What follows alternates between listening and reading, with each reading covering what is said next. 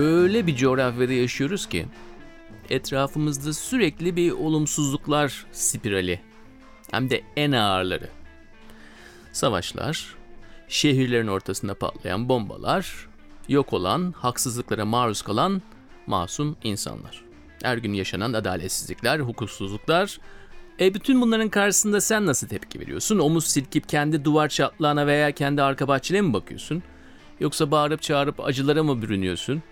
Belki de unutuveriyorsun. Seçim bol. Üstelik de sosyal medya ve bilgi çöplüğü varken artık unutmak için de elinde bir sürü imkan da var. Bir düşün. Sen nasıl yaşamayı seçiyorsun? Bütün bu yaşananlardan ne kadar sorumlusun ve ne kadar sorumluyuz? Geçtiğimiz hafta tahakküm meselesindeydik. İlişkilerimizin nasıl görünmez bir iktidar savaşı haline geldiğinden dem vurmuştuk. Bu sefer başka bir tarafından tutuyoruz. Bu haftaki programımızda bellekle derdi olan ve saydığımız bu sorulara kitaplarıyla kafa yoran Nermin Yıldırım var. İlk romanı Unutma Beni Apartmanı 2011 senesinde Doğan Kitap tarafından yayınlandı. Onu 2012'de Rüyalar Anlatılmaz, 2013'te Saklı Bahçeler Haritası, 2015'te Unutma Dersleri izledi ve son kitabı Dokunmadan hep kitap etiketiyle bu yıl çıktı. Evet, Nermin dinliyoruz.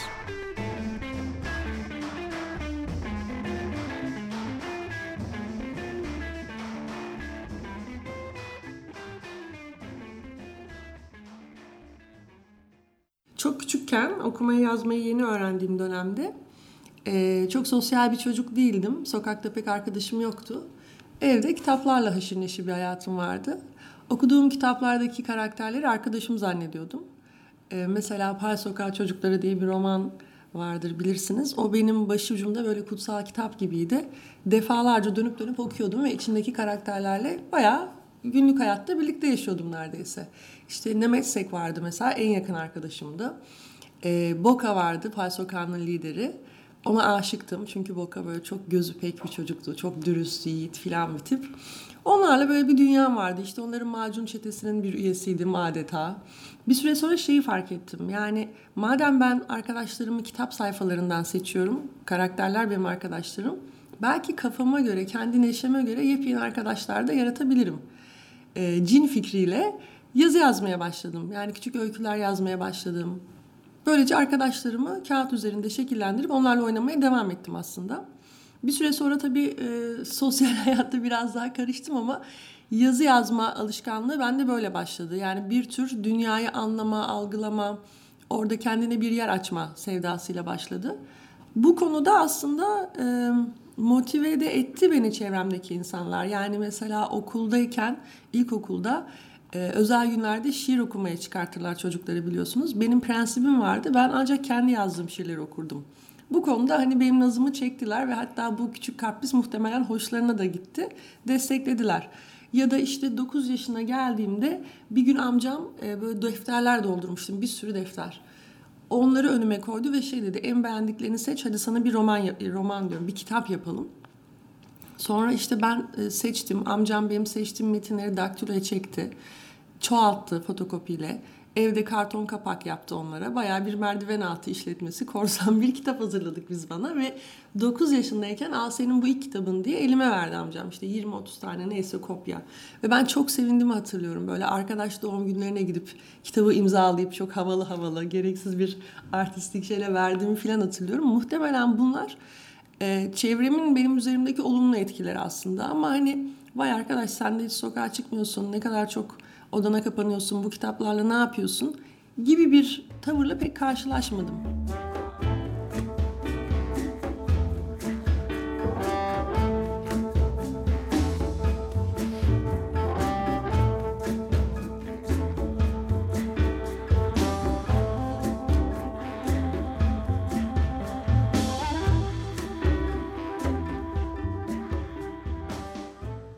Hayatım önce hep yazdım yazdım yazdım ve 20 yaşlarımda romanlar yazmaya başladım. Ama bu ilk söylediğimden hareketle bunları bir gün bir yerde basmak gibi bir merakım da yoktu. Romanlar yazmaya devam ettim. Yazıyordum ve çekmeceme koyuyordum romanları. Sonra bir gün yayınlanan ilk romanım Unutma Beni Apartmanı'nı yazmaya başladım. Bu romanın da garip bir özelliği vardır. Benim o yaşıma kadar kendi kendime yazdığım, insanlarla paylaşmadım, çekmeceme koyduğum romanların toplamı neredeyse gibi bir roman bu. Çünkü romanda bir e, hayalet yazar karakteri var Süreyya. Süreyya roman içinde birçok roman yazıyor. Neye adlı bir kadına. Son derece sevimsiz, roman boyunca hiç hoşlanmayacağımız, kim olduğunu bilmediğimiz, e, çok detaylı bir şekilde bir kadına, kadının adıyla yayınlanmak üzere. Süreyya'nın işte neye için yazdığı romanlar benim e, o yayınlanan ilk romana kadar yazıp çekmeceme kaldırdığım romanlar aslında. Fakat romanı bitirdiğimde şöyle düşündüm. E, acaba bu artık uygun bir roman mıdır? Benim yazdığım bir metin bir başka gözün e, bakışına, yorumuna açık hale gelmiş olabilir mi? Yani yeterince iyi mi acaba bunu yapabileceğim bir metin mi diye düşünmeye başladım. Ve e, sonra olaylar çok garip tesadüfler eseri. Ben işte onu bir arkadaşıma verdim fikrini almak için. Sonra o bir şekilde bir yayıncının eline geçti ve böyle e, ben kendimi belki de başka şartlarda o kadar hızlı cesaret edemeyeceğim bir maceranın içinde buldum. Her şey çok hızlı gelişti. Derken benim bir yayıncım oldu artık. E, hayatımda değişen ilk romanın yayınlanmasından sonra tek şey şu oldu. Ben aynı ritimde ve aynı hızda ve aynı duyguyla yazmaya devam ettim. Sadece yazdıktan sonra artık yayıncıma veriyorum. Şu duygu bile değişmedi. Mesela eskiden de yazarken bunun bir gün birisi tarafından okunacağını düşünmezdim. Şimdi de editörüme verene kadar düşünmüyorum. Düşünürsem metinle benim aramda çok samimi, sahici bir ilişki var. Yani hayatta bana en iyi gelen şey bu. En iyi arkadaşımla arama bir tür hesap sokmuş olurum. Buradan hareketle neredeyse hiçbir değişiklik olmadı aslında. Profesyonel e, dünyaya giriş ve öncesi arasında.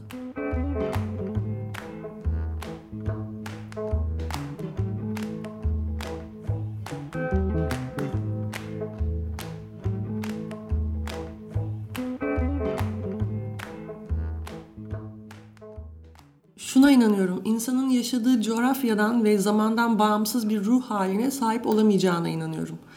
E, sizin hayatınızda her şey kişisel olarak yolunda olabilir. Hiçbir sağlık problemi, ekonomik problem e, yaşamıyor olabilirsiniz. İnsanlarla ilişkiniz son derece sağlıklı, huzurlu, mutlu olabilir.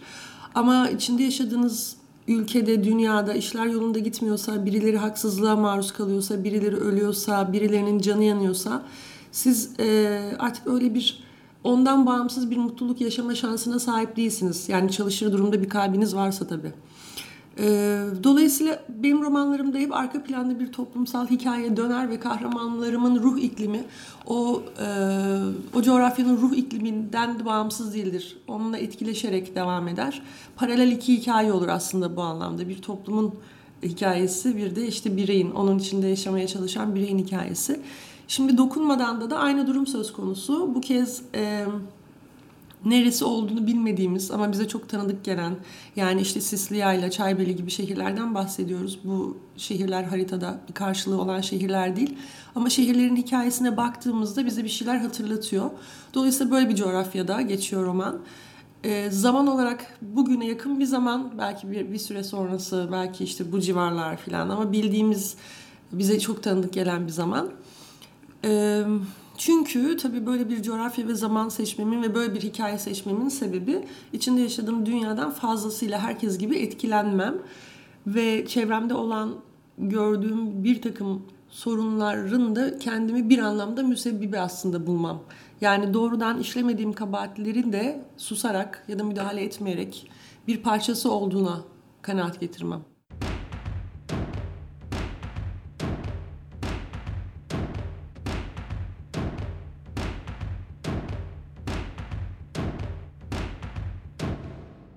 Geçmiş onunla helalleşme, vedalaşma yöntemimize bağlı olarak anın tam ortasında durabilir.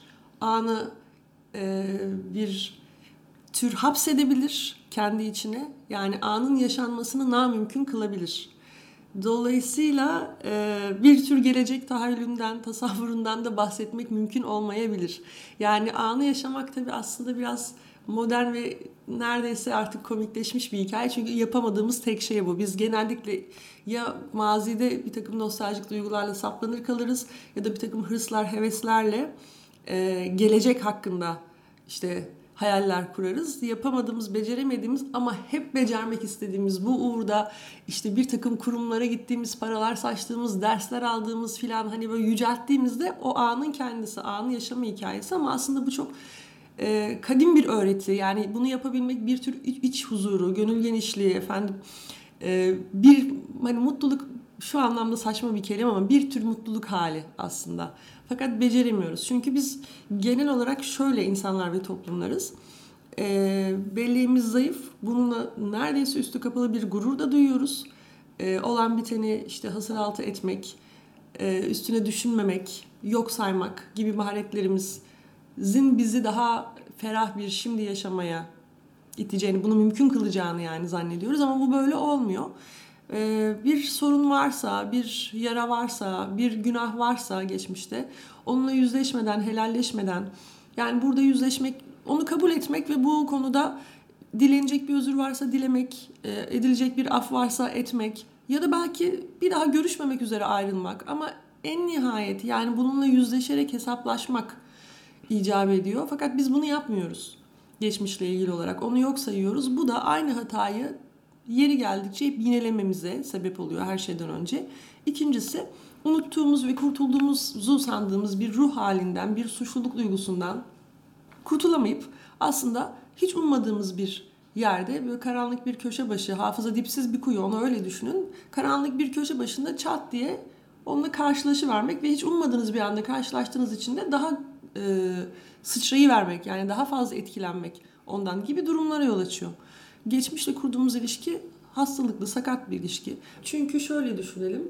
Geçmişte başımızdan geçen bir takım can yakıcı hadiseleri bile araya bir zaman koyduktan sonra gülümseyerek hatırlarız. Onun komik yönlerini hatırlamaya çalışırız mesela. Yani öyle kodlarız hatırayı. Çünkü o kadar acıklı malzeme biriktirmeyi kimse istemez. Geçmişe baktığında herkes daha sevimli, daha tatlı şeyler hatırlamaktan hoşlanır genellikle herhalde hadiseleri canımızı daha az yakacak şekilde yeniden kurup, kurgulayıp, kesip, biçip e, bambaşka bir formda hatırlıyoruz sonra. Gerçeği baştan her defasında yeniden kurarız aslında. Genellikle de neredeyse hiçbir zaman hatırladığımız gibi değildir hikayeler. Sağını solunu hep bir biçimde e, eğip bükmüşüzdür. En iyi ihtimalle kendimizi haklı çıkartacak şekilde hatırlamak için öyle eğip bükmüşüzdür. Bir olayı yaşayan 5 kişi bulsak ve 5'ine ayrı ayrı anlattırsak bu Rashomon etkisi muhtemelen hepsinden farklı hikayeler çıkar. Ee, ikinci romanım da benim Rüyalar Anlatılmaz'da neredeyse tamamen bunun üstüne çalıştığımı söyleyebilirim. Yani e, olayların bir, bir aile hikayesinin her birey tarafından nasıl farklı şekilde hatırlandığı, anlamlandırıldığı üzerine. Çünkü bizim günlük hayatımızı çok belirleyen bir şey bu aslında. Neredeyse birbirimizi hiç anlamadığımıza e, emin gibiyim yani.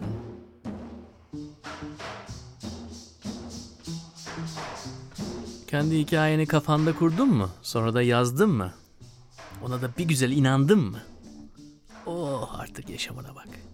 Birbirimizi anlamadan da yaşamaya da devam edelim. Ne olmuş yani diyeceksin. İşte benim hayatım. İstediğim gibi yaşıyorum. Bu mesele böyle hafif gibi gözüküyor ama aslında herkesi içine çeken bir bataklık gibi. Kapanmayan hesapların, hayaletlerin, bize ağır gelen tüm sorunların içinde saklı olduğu bir bataklık. Çok yavaş çekiliyoruz içine, farkında bile değiliz. Oysa yüzlerce yıllık hesaplar bekliyor bizi bu bataklığın dibinde. Ve hepimizin sonu da aynı yerde.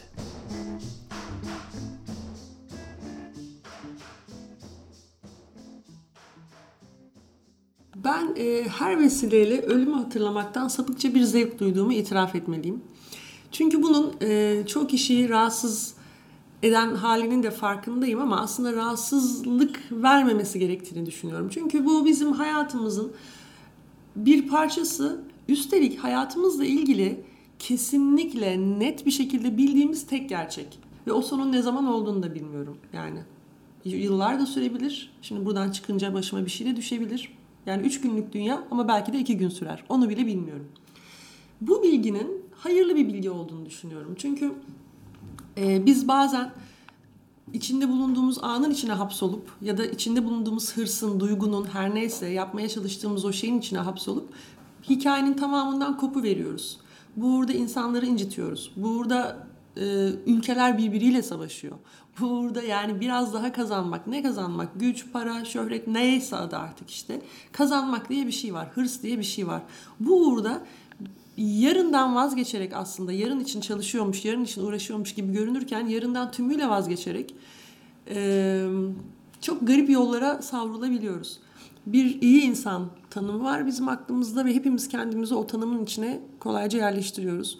Ee, başkalarını da hemen dışına tutuyoruz. Hatta başkalarının kötülüğü üzerinden tanımlıyoruz kendi iyiliğimizi sürekli. Yani bize bir şey olsun, bir kabahat olsun, bir ayıp olsun da bizi aklasın diye bakıyoruz neredeyse. Böyle acayip bu haliyle rezil bir çağdan geçiyoruz aslında. Yani sosyal medyada dönen o değil, o tartışmalar filan bu söylediğimi bir, bir kanıt gibi düşünebiliriz. Yani ben öyle bakıyorum böyle bir anlaşmak, bir hani e, birbirimizi iyi bir yere çekmek, bir yol yürümek gibi bir arzumuz neredeyse hiç yok. İte ite ve buradan bir neredeyse güç kazandığımızı zannederek sürekli zayıflıyoruz. Ee, iyi insan o yani hepimizde şu var işte birilerinin başına bir şey geldi tıpkı adalette olduğu gibi ve ben çok üzüldüm.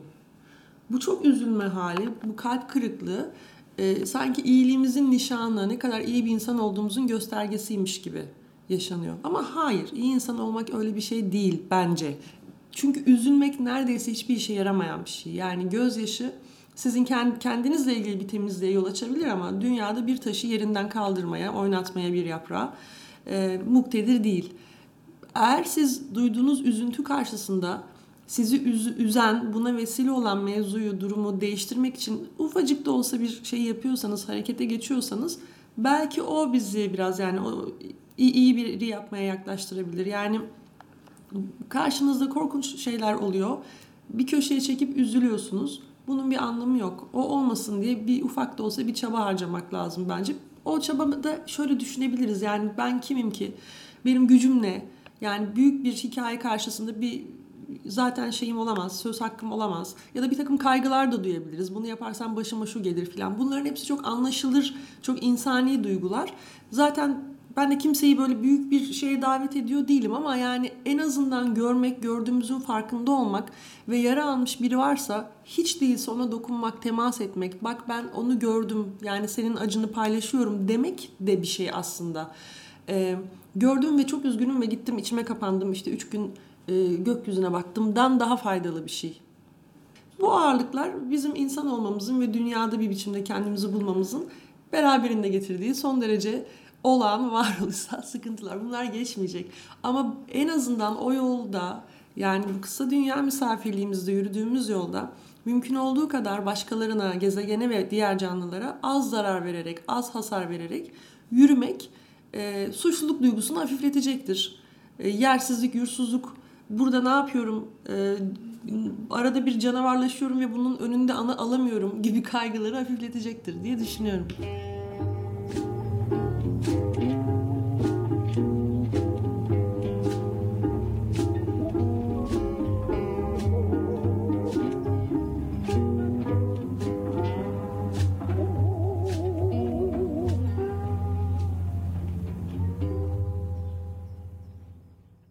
Aslında vaktimin bir kısmını yurt dışında geçiriyorum. Yani orada yaşıyorum ama çok sık Türkiye'ye gidip geldiğim için zamanım bir tür ikiye bölünüyor. Dolayısıyla bundan hareketle mesela şu olabilirdi. Ee, Barcelona'da bambaşka bir şehirde bambaşka bir hayatım ve bambaşka bir gündemim olması beklenebilirdi. Ee, kendi ülkemde her şeyin çok yolunda olduğunu düşünseydim bunu yapabilirdim de gönül rahatlığıyla hayattan e, kâm alabilirdim. Ama böyle hissetmiyorum ve e, hasret duygusu çok acı, acayip bir şey baktığınız şeyle aranıza bir mercek gibi giriyor ve gördüğünüz her şeyi büyütüyor. Şimdi ben uzaktan ülkeme baktığımda burada yaşanan herhangi bir elim hadise zaten elim ama bana olduğundan daha acı verici görünüyor, daha büyük görünüyor. Çünkü e, oradan baktığımda bazı konularda sanki çok keskin bir şey yaşanmış, orada hayat durmuş, her şey değişmiş ve insanlar çok mutsuz gibi görünüyor. Buraya geldiğimde bakıyorum ki evet çok keskin şeyler yaşanıyor, insanlar mutsuz, huzursuz fakat hayat devam ediyor. Bunu da görüyorum. Yani sabah kalkılıyor, işe gidiliyor, çocuk okula bırakılıyor, arkadaşlarla buluşuluyor, sohbet ediliyor. O anlamda hayat devam ediyor. Fakat uzaktayken ben o devam eden hayatı görmüyorum. Sadece kesintileri görüyorum. Dolayısıyla gündemdeki her şeyden burada olduğum zaman etkilendiğimden daha fazla etkileniyorum. Benim için mevzu çok büyüyor, derinleşiyor. Acılı bir hale geliyor. İşte roman yazdırıyor yani en nihayet.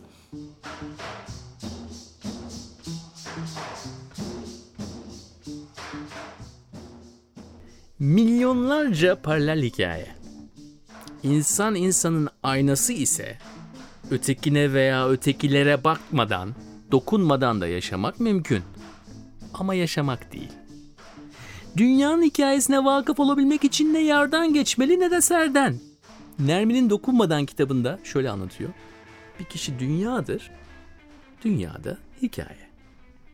Ancak kendi mabedini yaratabilenler belki de cesurca bakabiliyorlar bu meselelere. Yalnız ben söylememiş olmayayım. Mabed bir ruh durumu yoksa Google haritasında lokasyon bakmaya benzemiyor. Alışkanlık kokuyor yaşamın her zerresi.